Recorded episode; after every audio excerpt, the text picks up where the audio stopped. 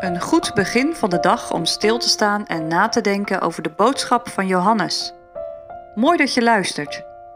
Deze week met Christian van Bemmel.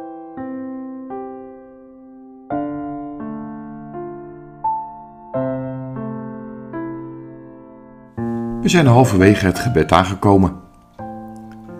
We dachten met elkaar na over het gebed om leven, gebed om eer, om bewaring. Misschien komen deze onderwerpen ook in de vroege ochtend of late avond in je gebed terug, of overdag. Lijkt het je verkeerd om je gebed regelmatig naast het gebed van de Heer te leggen? Leer ons bidden, Heere, zo vroegen de discipelen eens aan de Heer Jezus. En we vragen het ze na. Wat is het thema voor vandaag? Waar vraagt de Heer om in de vijf versen die we lazen?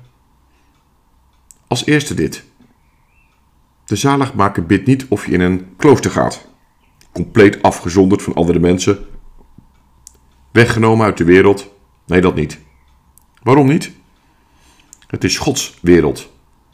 Door Hem geschapen, voor Hem bedoeld. En dus niet uit de wereld, maar wel bewaring in de wereld. Bewaring van de boze, die hier zijn thuis heeft en doet alsof de wereld zijn huis is. Wat zou de boze eigenlijk vandaag van plan zijn? Welke ideeën heeft hij vandaag om jou en mij te laten struikelen? Ik weet het niet. Maar het gebed om bewaring is onmisbaar.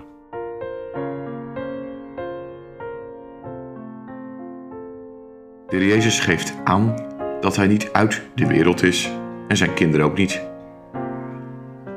Wanneer ben je eigenlijk niet van de wereld? Laten we naar de Heer Jezus kijken, als voorbeeld. Twee dingen zou ik willen noemen. Hij kwam hier op de aarde voor een poosje. Hij wist dat hij hier een groot werk te doen had, maar ook dat hij hier niet altijd zou blijven. Hij was op doorreis. Dat als eerste. En het tweede, hij kwam hier niet op aarde voor zijn eigen eer, voor zijn aanzien. Nee, hij kwam hier om te leven tot Gods eer. Dat merk je al op twaalfjarige leeftijd. Maria en Jozef zijn Jezus kwijt. Een paar dagen zelfs. Ze vinden hem in de tempel. Jongen, waar was je toch? Wist u niet dat ik moet zijn in de dingen van mijn vader? Het kind onderwijst zijn ouders. En zo blijkt ook in jouw leven of je van de wereld bent of niet. Het blijkt uit je leven of je op doorreis bent, weg naar de eeuwigheid. En in de tijd hier op aarde, of het je verlangen is, je diepste verlangen, hoe gebrekkig ook, om tot eer van God te leven. Wie je ook bent, wie je ook ontmoet, welke apparatuur je gebruikt, welke opleiding je volgt, hoeveel bezittingen je ook hebt. Lijkt je dat volstrekt onmogelijk? Ja, eerlijk gezegd mij ook. Het is het ook. En de Heer Jezus beseft dat ook. Luister maar wat hij vervolgens vraagt. Heilig hen in uw waarheid. Wat zou dat betekenen? Heilig hen in uw waarheid? Nou, vers 17 legt het al snel uit. Uw woord is de waarheid.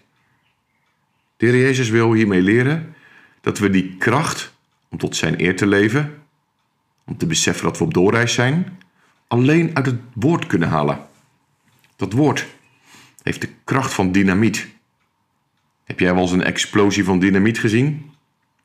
Is het mogelijk dat de omgeving daar niks van merkt? Denk het niet. Zo krachtig is het woord. Het doet je beven voor Gods majesteit. Het werkt een overtuiging van zonde en het verschrikkelijke karakter daarvan. Het woord verandert, vernieuwt. Het woord geeft ook een wonderlijke band met de zaligmaker. Het woord lost raadsels op. Het geeft richting aan je leven. Het woord vertroost. Heb je wel eens nagedacht over hoe wonderlijk dat is? Een geschrift van duizenden jaren geleden dat iedere dag weer nieuw en krachtig is. Door het werk van Gods geest. En nog één ding voor vandaag. De Heere bidt, heilig ze.